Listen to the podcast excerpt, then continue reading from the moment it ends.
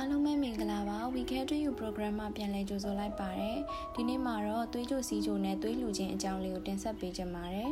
သွေးလူချင်းဟာမုံမြတ်တဲ့ကုသိုလ်တစ်ခုဖြစ်ပါတယ်မိမိသွေးနဲ့အသက်ကယ်နိုင်ပြီးတော့လှူတဲ့သူရောလူနာအတွက်ပါအကျိုးကျေးဇူးများလာပါတယ်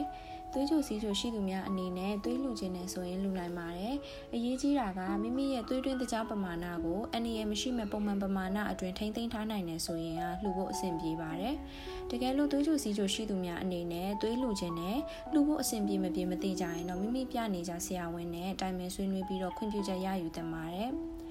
သွေးမလူခင်မှာကူးစက်ရောဂါများရှိမရှိလင်မြန်သောစစ်ဆေးမှုများပြုလုပ်လေးရှိပါတယ်။အဲ့ဒီအခါမှာမိမိမှာသွေးကြိုစီးကြိုရှိကြောင်းတခါတည်းပြောပြထားသင့်ပါတယ်။သွေးလူမယ်ဆိုရင်နေကောင်းကျန်းမာနေဖို့အသက်16နှစ်နဲ့အထက်ဖြစ်ဖို့နဲ့ကိုယ်အလေးချိန်အနည်းဆုံးပေါင်100ပြည့်ဖို့စတာတွေလိုအပ်ပါတယ်။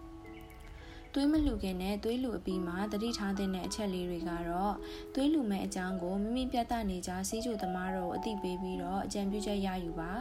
သွေးအားကောင်းစေမဲ့အစားအစာတွေနဲ့တန်တက်အားစေးတွေကိုသွေးမလှူခင်တစ်ပတ်သို့မဟုတ်နှစ်ပတ်အလိုမှာတောက်ထားသင့်ပါတယ်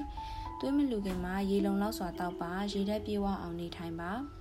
ညီညွတ်မြတ်တအောင်စားတော့ပါသို့မှသာသွေးရင်းတကြားပမာဏလည်းထိန်းနိုင်မှာဖြစ်ပါတယ် အေးဝဝအိပ်ပါတောက်သုံးနေတဲ့ဆေးစည်းရင်ကိုလည်းသွေးလူပို့သွားတဲ့အခါယူသွားပါသွေးလူပြီးနောက်တရက်တာပြေဝစွာအနားယူပါပြင်းထန်တဲ့ကိုယ်လက်လှုပ်ရှားမှုတွေကိုရှောင်ကျဉ်ပါသွေးလူပြီးနောက်ရက်များတွင်လည်းရေနဲ့အရည်များများတောက်ပေးပါ